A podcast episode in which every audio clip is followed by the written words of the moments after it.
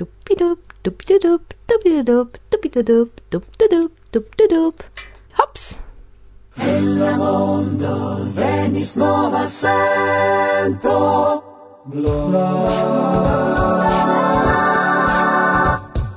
Lanso via vento. Bla, bla, bla.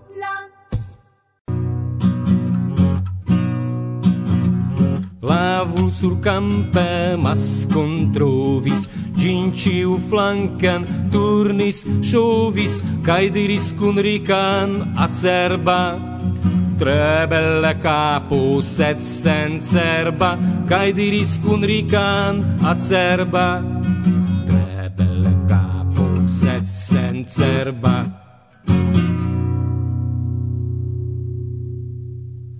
Neniam mi audis tion. Kiu cantis? Secreto. Secreto? Kial secreto? Char eh, tiun pezon vi audos ancora foie in la venonta al sendo, cae tiam la secreto igios mal secreta. Ah, mi ne scias, ĉu mi comprenas, sed en ordo, estu tiel. Nesto simple. Ĉu vi rimarkis, ke niaj gamikoj jam aŭskultas nin? Ĉu? No yes. Nekredeble. Saluton, karaj. Saluton, kie ein atingas vin nia elsendo? La cent quindeca, dum eh, iom pli ol dec quiniara podcasta agado. La dec quiniara sonas kiel jubileo. Same kiel la cent quindeca. No, estas io en tio, tamen... Yes, yes, yes, mi comprenas. Celebros ni jubileon kai festoin kiam tio iĝos sen problema. Ĝuste tion mi intensis diri. Kiel ne rigardi pasas jam la dua jaro de malcerteco, kio okazos. No, la pandemio detruis ne nur niain planoin. Sed pli kai pli estos pli bone. Ec tion jam mi spertis fakte.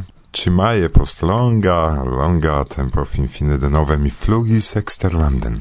Alla lando de tulipoi? kai Karina. Yes, yes, al Nederlando kai verdire pro tulipoi imago. Ĉu vi venis tien ilin aĉeti por la ĝardeno? Ne, ne. La kialo estis iom alia. Imago che ciam mi cerbumis, cion fari dum la liberai tagoi comence de la maio, mi rimarcis afficitan de mia amicino Iolanta foton de grandega cae belega tulipa campo. Mi demandis sin, ciò ĝi trovigas proxima al sia heimo, en ciu iam mi estis. Kaj si respondis, yes, yes, venu vidi. Do, mi venis. Hmm, ĵaluzo. Eble iam ankaŭ mi giuos vidi in campo in de colorai tulipoi cis horizonto. Fascina bildo jes, vere, sed mankis bedaurinde tempo visiti Karina malgrau che si rimarcis mian foton cun Gosia in Nederlando cae invitis min a rencontigi. Cial mancis? Nu, anstatau tio ni rencontigis cun eh, Federico in Amsterdamo, professoro de la Esperanto Catedro de tia universitato, iun cetere post momento vi audos. Kai ŝajne la lastan fojon, bedaurinde mi vidis la sideion de UEA en Rotterdamo, kai Visitis ni krome la Internacian Esperanto-Instituton en Hago, pri kiu okupiĝas nun ĝuste Jolanta. Nepre rimarku ŝiajn afiŝojn en Facebooko nome de la instituto kaj iom turisme ni biciklis al diversaj lokoj. Inter alie al Delf, kie loĝis la virino kun perlo. Oh, mi scias. Ha, temas pri Scarlett Johansson, ĉu? Yes, ni vidis sin trincanta bieron en la cefa mercato antaŭ la laboro en domo de sia signoro pentristo. Kaj lin vi vidis? Bedaŭrinde ne, ĉar eble tiam mi vidus ankaŭ aliajn liajn virinojn kun iom. No, mankis tempo. Nu, no, bone. Rakontos vi tion cion al mi dum kiam la auscultantoj ĝuos tion, kion al ili ni preparis. Invitu doni ciun al la programo. Enordo? Saĝa kiel ĉiam propono. Yes. Do mencias mi nur, ke se nenio malhelpos meze de la novembro ancora mi aperos en Belgio por renkontiĝi tie kun cae la movadanoi. Do se iu esperantisto el Belgio audas min nun kai desiros kun mi kaj Gosia renkontiĝi, char ni venos tie duope, kontaktiĝu kun mi au kun If Nivelsten, kiu helpas al mi kunordigi la viziton. Ah, biero, cioccolato. Ho mia cor, ne batu. Ne batu, ne batu. La plei shatatan de mi ĉokoladon kun elefanto certe mi kunportos porto salvi. Anticipan con... Ĉu mi rajtas ion aldoni? Jes, kial ne? Se temas pri nia vizito en Nederlando, necesas danki al Jolanta pro gastigado. Ah, jes, ja, mi forgesis. Dankon, Jola, dankon. Dankon, kai ancora mi desiras danki al la malagaj esperantistoj, Marilo, Angel kai Juan, pro la vendreda rencontigio tri tagoi antaue. A ah, jes, fakte, mm, vi pasis semajnon en Hispanio laste. Do karaj estis granda plezuro ekkoni vin kaj pasi kun vi tiun neforgeseblan tempon. Neforgesu pri la donaco, la poemoj de Angel kolektitaj en la Fontano del Sorto, kiun ankaŭ mi ricevis pro kio Angel sincere mi dankas. Ne, tute mi ne forgesas. Kaj eĉ mi intencas elekti unu el la poemoj por prezenti ĝin en la venonta elsendo. Dankon, karaj. Ĉu ankoraŭ ion vi deziras aldoni? Mm, ne, krom salutoj al ĉiuj aŭskultantoj. Ah, kiel dolĉe. Enordo, startu ni do. Yes, la provizora studio jam pretas tion butonon mi devas pushi, tion mal pushi. Kio estas en la programo exciu en prescribo de la elsendo, en kiu krome vi trovos multajn utilajn ligilojn. Kaj se vi ne forgesos lasi kelkajn komentojn, ni sentos, ke vi estas kune kun ni. Certe, mi ŝategas komentojn. Karaj do! Bonan! auscultadon. Bla, bla, bla.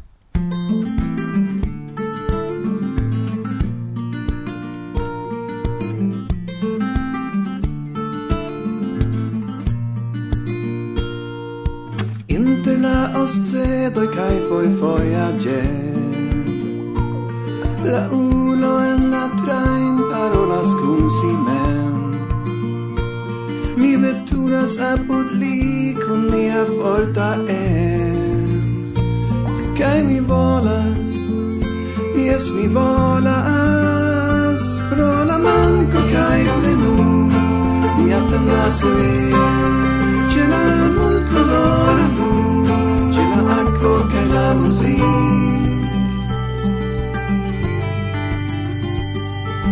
Mi revenas lante alla viva flur Ciam mi biciclas tra la strata blu. Con malpesa coro alla rendezvous Cia mi volas, yes mi volas Pro la manco cae plenu. Mi attendas me Ce la mulcolor blu Ce la aquo che la musica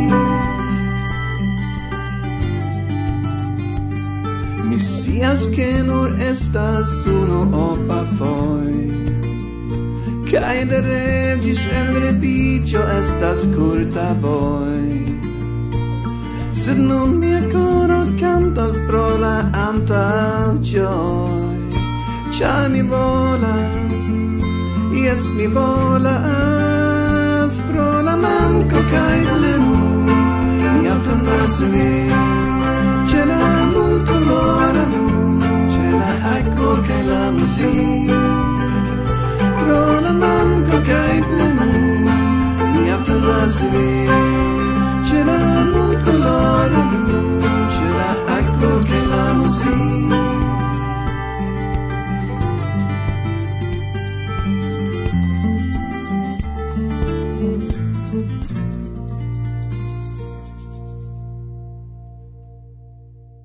Saluton, mi estas Chen, kai nun mi invitas vin a la angulo de Jorge Camacho.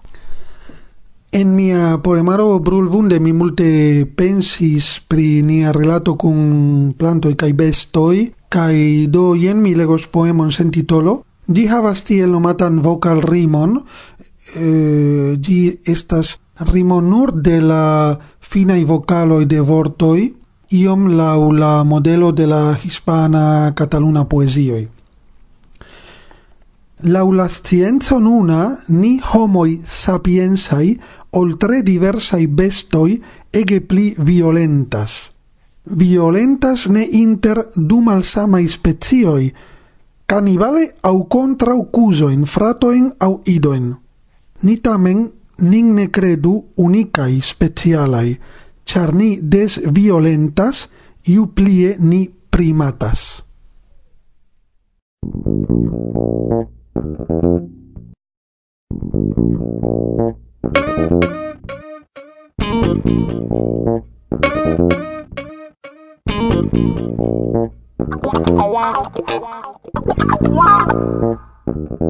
Varsovia vento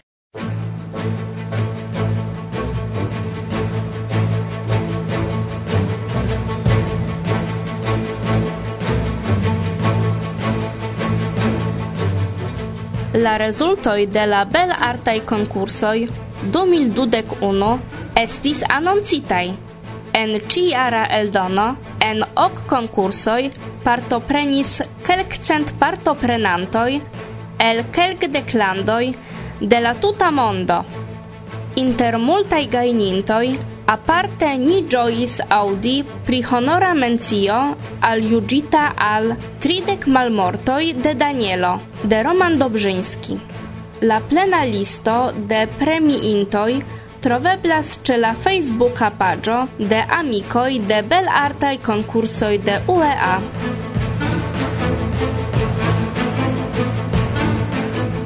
Kvankam pro la covida pandemio jam de du sinsekvaj jaroj ne okazis unu el la plej famaj aŭtunaj eventoj, nome artaj konfrontoj en Esperanto Arkones, la esperantistaro en Poznano havas alian kialon fieri.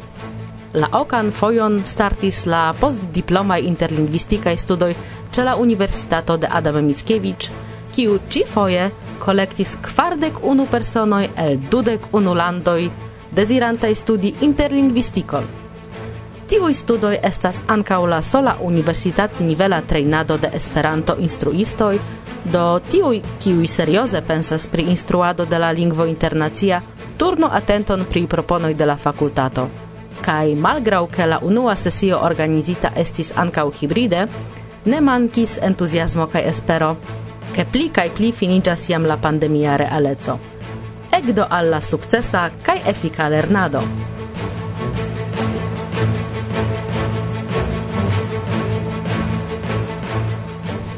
De pli ol unu semajno ĉe la YouTube kanalo de Vinil Cosmo, eblas spekti anoncan unuopaĵon de barok projekto Hybrida Batalanto realigitan de nia amiko Cafeo Miliomen. Peco kun ligilo al la filmeto kun subskriboj post la aktualaĵoj.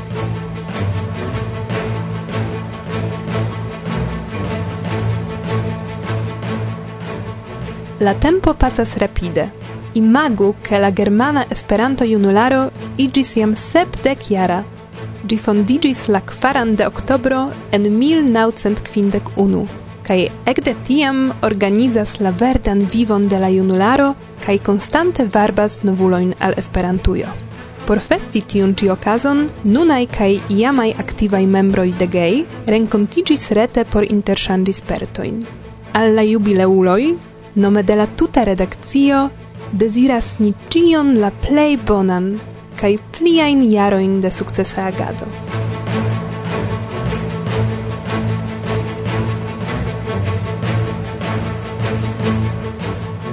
okaze de la centa naskic da Treveno de la pola verkisto Stanisław Lem esperantigita estis kaj publikigita lia plej fama science fictia romano Solaris.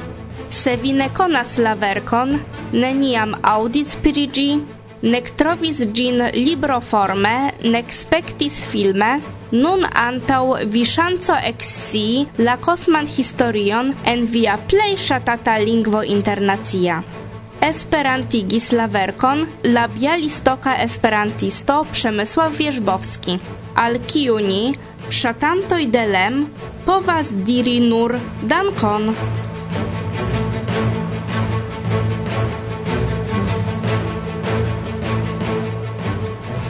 Antaŭ nelonge, la decunuan de septembro, en la ĉemara turisma urbo Sopoto, okazis kunveno de la Pola Esperanto-Junularo, dum kiu elektiĝis la nova pejestraro. Organizita ĝi estis dum la tradicia triurba evento – Esperanto sur la strando de la loca asocio Torento. En la programo sekvis vizito de la jubilea esperantista kverko en Sopoto.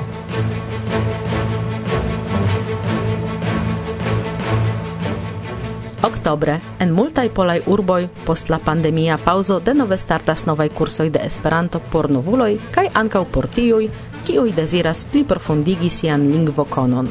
Inter aliaj Varsovio kaj Bialistoko invitas ĉiujn plivastigi siajn lingvajn horizontojn. La retan Esperanto-kurson por komencantoj organizas ankaŭ la Pola Esperanto-Junularo. Pli da detaloj vi trovos ĉe la retejo de la Pola Esperanto-Asocio.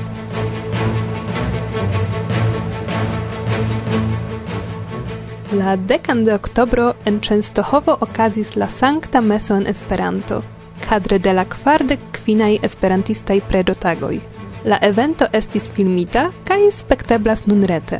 Por ĉiuj, kiuj ekzemple pro la horo diferencoj ne povis ĉeesti la sanktan meson, la registraĵo troveblas en arkiva kanalo La Liturgio de la Vorto, al kiu ligilon vi trovos en priskribo de la elsendo.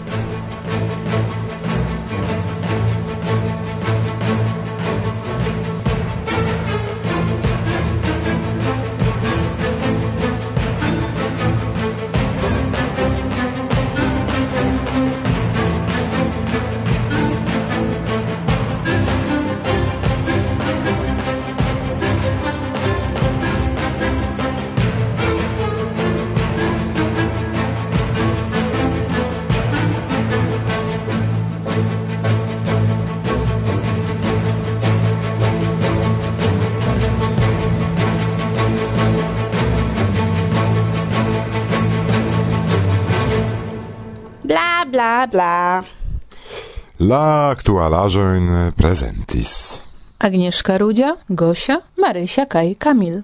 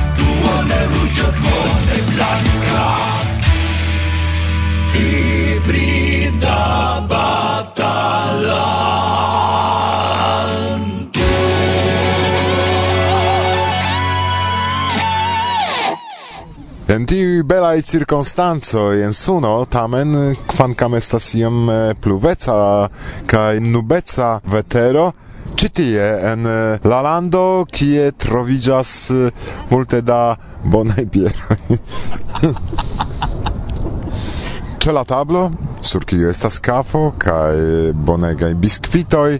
Antaŭ mikrofono de Varsovia vento estas gasto, sed kiu post momento vi ekscios bla bla bla.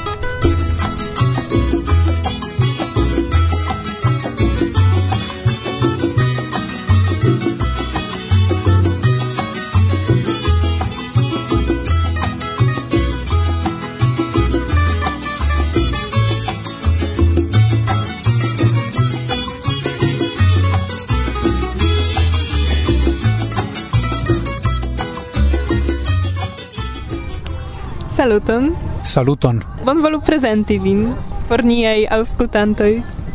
Yes, tre volonte. Mia nomo estas Federico Gobbo, kaj mi estas profesoro pri interlingvistiko kaj Esperanto en la Universitato de Amsterdamo. Gobbo estas ŝajne la itala nomo. Kion vi faras ĉi tie en Amsterdamo?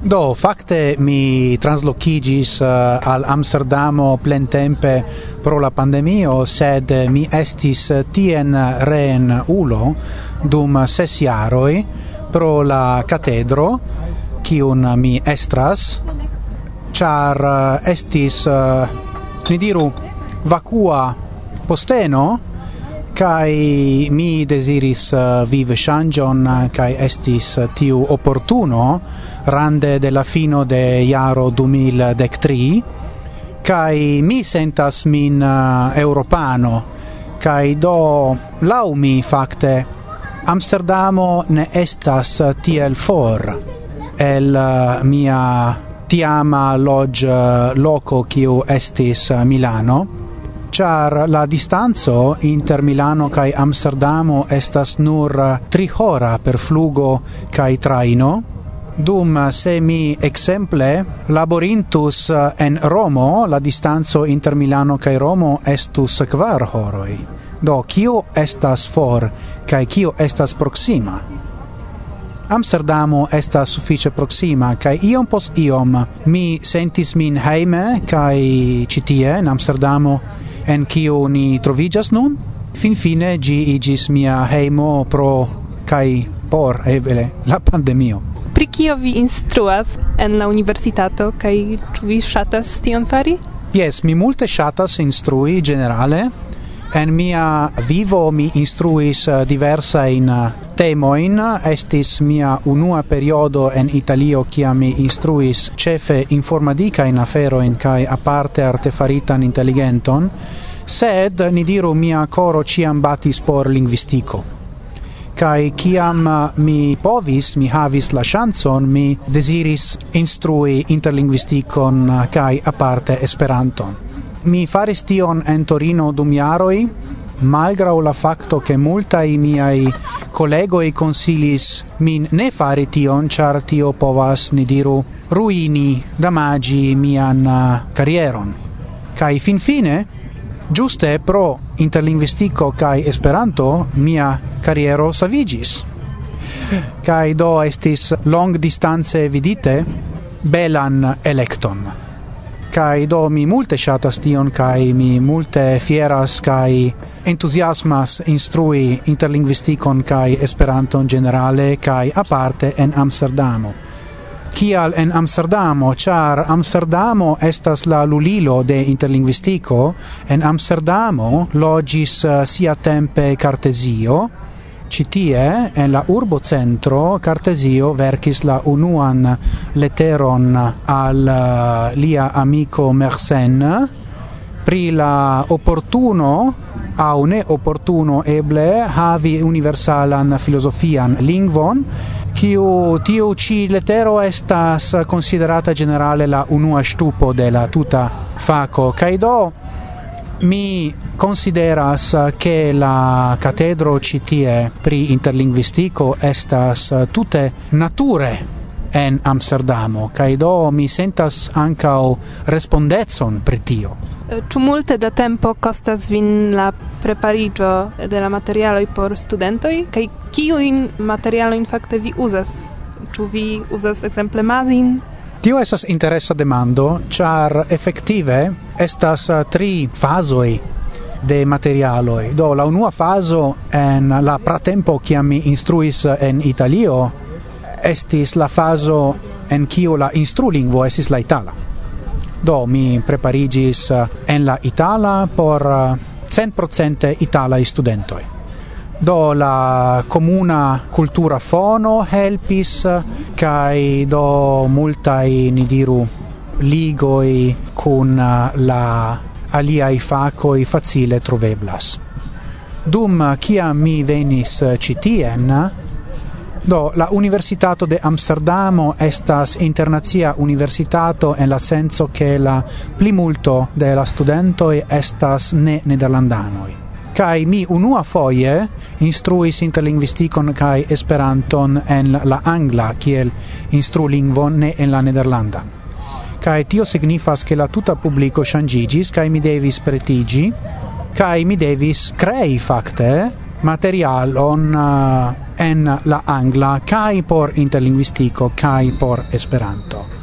Do mi decidis ne usi masi au alian uh, jam pretan materialon, char mi shatas che la du facoi interlingvistico kai esperanto estu ligitai inter si. Mi clarigas kion mi intencas diri.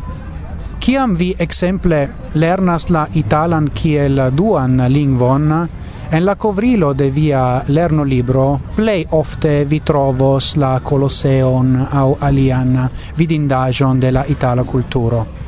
Crom la Esperanta flago vi malofte vidas clare culturajo in ek de la unua leziono en Esperanto libro kvazaŭ en Esperanto la kulturo nestus parto de lerno proceso mi pensas tutte male che la culturo estas eh, grundo por firmigi la emon teni la lingvon eh, preter la curso kai post la examenigio fare della studentoi.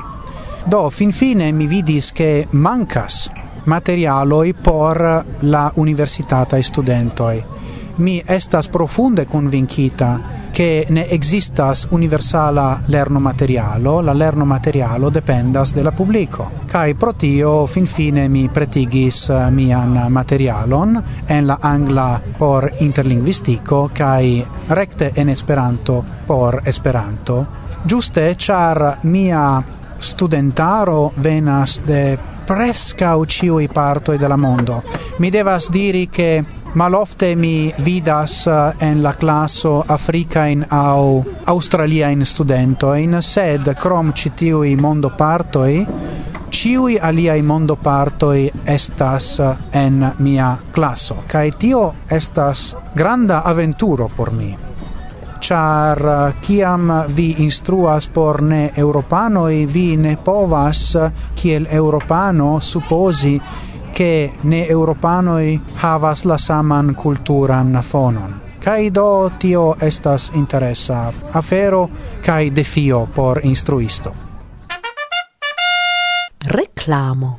Ĉu vi regas Esperanton? Ŝatas verki artikoloin, sed gis nun ne havis okazon apliki via in talentoin?